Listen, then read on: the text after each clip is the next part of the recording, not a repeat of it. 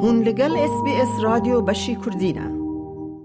Roja bixêr, bi silamet guhdarên hêja. Em ê di vê raporta xwe ya nû de behsa geşedanên nû ên li Tirkiyeyê û li bajarê Kurdan bikin. Serokkomarê Tirkiyeyê Recep Tayyîp Erdogan roja pêşemê li navçeya Exlata Bedlîsê di derbarê operasyonek bi ser erdê Sûriyeyê de carekî din peyam da. Wî dîsa dubare kir û got, Em dikarin şevek ji nişkeva dest bi operasyona dersînorî bikin, him jî li ser her deverî.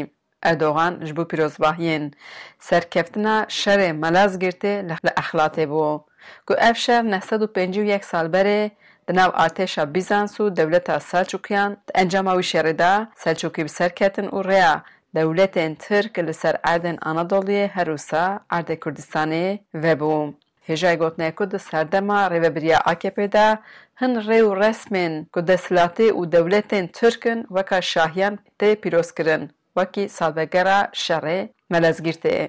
Erdogan di şahiya serkeftina şerê Melezgîrtê de peyama li ser operasyonêk bi ser Sûriyê de di Serokomarê Tirkiyê di gotara xwe de wiha axivî. Wî got, Heta em sînorê xwe bi ewle nekin em ê dest ji tekoşîna xwe jî bernedin. Ez vêya ji dinyayê re jî îlan dikim bila her kes bizanibe û em hay ji durûtiya aliyên ku tiliyê xwe ji me re dihêjînin jî hene û em ê goh jî nedin wan. Em ê operasyonên xwe li gorî pîlanên xwe jî pêk bînin. Em dikarin şevek ji nişkeva dest bi operasyonan bikin hin li ser her deverî. Firqa me jî ji yên din ew e, çavê me ne di erdê kesî de ye ne jî di yekitiya wan de. Dijitiya li ser awareyên Sûriyeyê car caran li ser daxuyaniyên siyasetvanan geş dibe. Serokê Partiya Zaferê Umît Ozdag li ser Twitterê peyamek parve kir û îdia kir ku heta tîrmeha du hezar û bîst û du diyan li Tirkiyeyê milyon û sê sed û heştê û şeş hezar awareyên Sûriyeyê wê bibin welatiyên Tirkiyeyê. Li gorî îdiaya Ozdag, ji milyon û heft sed û sî û sê hezar zêdetir aware wê bibin welatiyên Tirkiyeyê û di hilbijartinan de jî dikarin deng bidin. Lê Wezîrê Navxwe yê Tirkiyeyê Suleyman Soylu li dijî van îdiayan derket û got li Tirkiyeyê du sed û yazdeh hezar awareyên Sûriyeyê bûne welatiyên Tirkiyeyê ku sed û bîst hezar ên ku reşîd bûne dikarin di hilbijartina Serokkomariyê de deng bidin. Lê Umît Ozdag îdiaya xwe domand û got navê wan awareyên ku kirine welatî bila di rojnameya fermî de belav bikin. Ger hejmar ji du sed hezarî kêm derkeve ew ê lêborînê bixwaze. Wî got hikûmeta AKP'ê heta hilbijartina du hezar û bîst û seyan dixwaze sê milyon awareyên Sûriyeyê bike welatiyên Tirkiyê da ku jê re deng bidin.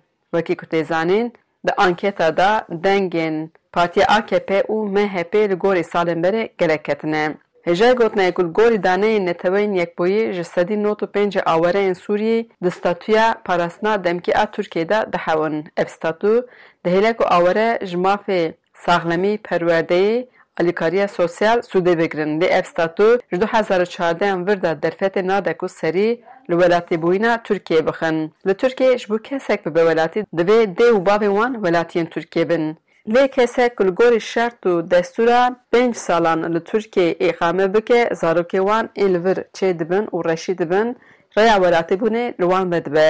Li gorî lêkolînek Neteweyên Yekbûyî ji sedî heftê û yek prosent heştê welatiyên Tirk naxwazin ku mafê welatîbûnê bidin awareyên Sûriyeyê. Tenê ji sedî sê gotine ku bila hemiyan bikin welatî. Ji sedî heştê û sê welatî jî Dibêjin ku bila tu mafek siyasî nedin awareyan. Li gorî daneyên UN'ê dewleta ku hejmara herî zêde a awareyên Sûriyeyê li wir dihewin Tirkiye ye. Wezîrê Karê Navxwe ê Tirkiyeyê Suleyman Soylu jî got hejmara awareyên Sûriyê sê milyon û şeş sed û pêncî hezar kes in. Li gorî heman lêkolînan li sedî şêst û çarê awareyên Sûriyê dixwazin him weke welatiyên Sûriyeyê bimînin him jî mafê welatîbûna Tirkiyeyê wergirin. Tenê hejmara ku dixwazin bibin welatiyê Tirkiyeyê jî ji sedî heft noxte ne he.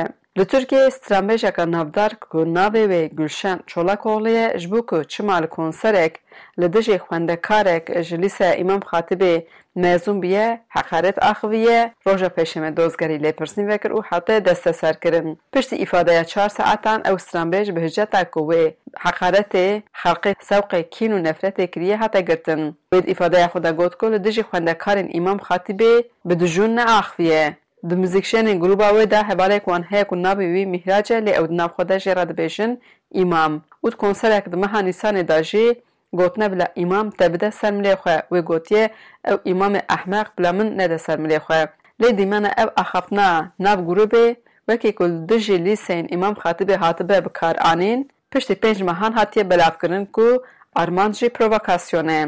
Ji milê hikûmetê heman peyam hatin li dijî stranbêjê û kampeyna Bila Gulşen were girtin ji aliyê hin komeleyên oldar hate belavkirin. Encamê de ew hate girtin. Lê ew qat dibêjin di girtina stranbêj Gulşen de tu bingeheke hiqûqî nîne. Stranbêja navdar Ev demek dirêj e ji ber kostûmên xwe ên vekirî ên li ser sahneyê bûye hedefa aliyên oldar û gelek konsertê wê hatibûn betalkirin. Taybet ji milê CHP'ê girtina stranbêjê hate şermezarkirin. Parlamenterê Mêrsînê Alî Mahîr Başar jî got, Hin kes dibêjin ên ku nimêjî nakin bila werin kuştin, ê ku rojîn nagrin bila li wan xirin.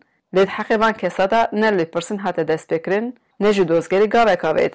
Û di heqê kesên ku ticareta tiryakê jî dikin doz ve nabe. Hunermenda Kurd a navdar Aynur Doğan jî li ser Twitterê bertek nîşan da û got, Sedat Peker dibêje Serokê Saziya Sermayeya Piyasayê sed û heştê milyon dolar bi rûşvet kar kiriye, lê hemî dozger goh lê digirin. Lê Gulşen Kaçma henek bi hevalê xwe kiriye dozger lez û bez ew dan girtin ku ev bi rastî jî eynî wekî pêkenok e.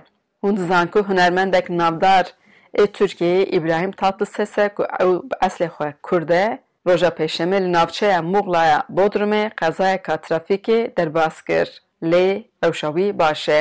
Helbet hemî qezayên trafîkê bi vî rengî encam nadin. Di bîst mehê de li bajarê Entab û navçeya Dêrika Mêrdînê di qezayên trafîkê de sî û şeş welatî mirin ku piraniya wan Kurd bûn.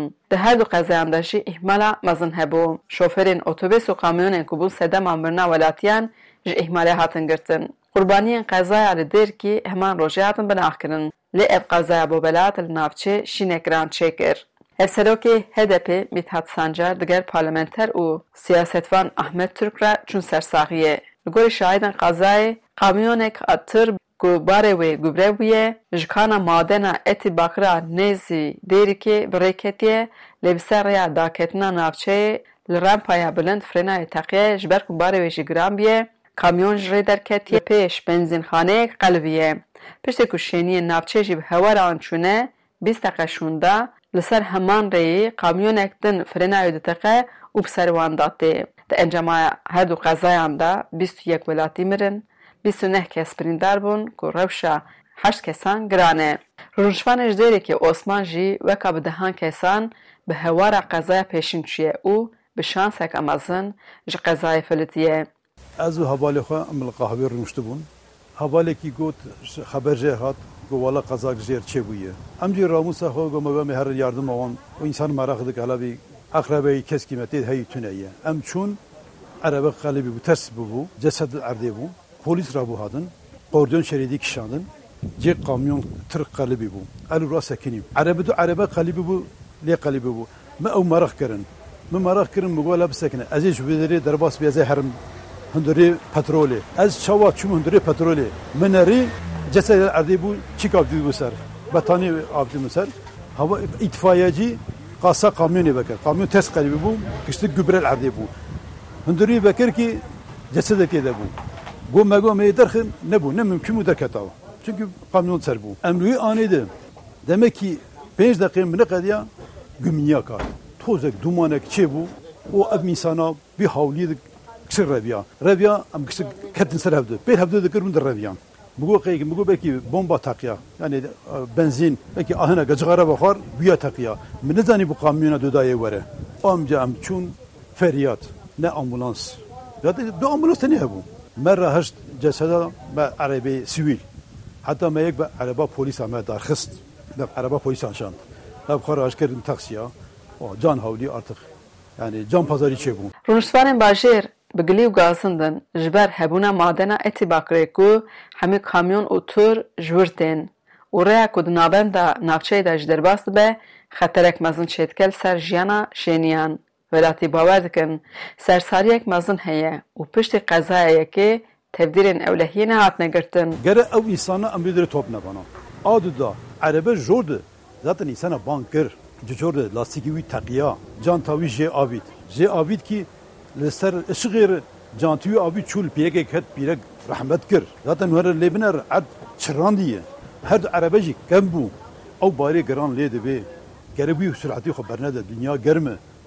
Barê giran e. Yanî em bi ya em bidine bibêjin. Gerek muheqaq ev riya na ji vira dêrikê derkeve. Hemî jî dixwazin rêya wesayîtên mezin ji navenda navçeyê derkeve. Hêjayê gotinê ku li ser her du qezeyan jî lêpirsîn hate destpêkirin.